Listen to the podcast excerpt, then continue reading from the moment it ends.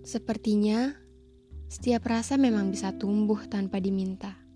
Sekalipun sang pemilik hati sebenarnya enggan untuk memberi rasa.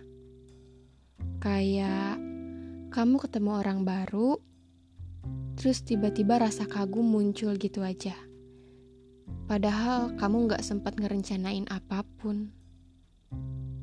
Terus anehnya, rasa yang datang tanpa permisi ini justru bisa dengan mudahnya tumbuh.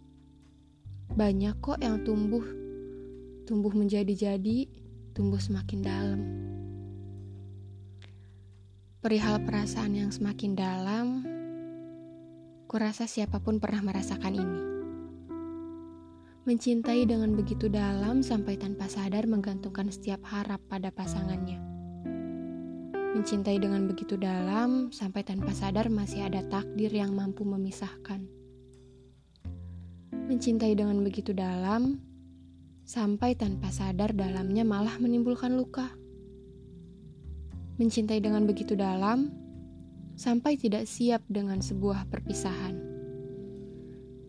Mencintai dengan begitu dalam sampai tanpa sadar sekarang sedang larut dalam tangis yang bahkan dibuat sendiri. Sebenarnya ini sedang mencintai atau sengaja menabung luka. Cinta macam apa yang malah melukai diri sendiri? Ya meskipun memang tidak semua cinta berujung luka, tapi jika sudah berlebihan, akan seperti apa jadinya? Tuhanmu bisa saja cemburu. Semua yang terlalu dalam bisa berpotensi menimbulkan luka yang membekas dan dalam pula. Jadi sekarang tidak bisakah dilakukan tanpa melibatkan istilah terlalu dalam? Tidak bisakah dilakukan sewajarnya saja?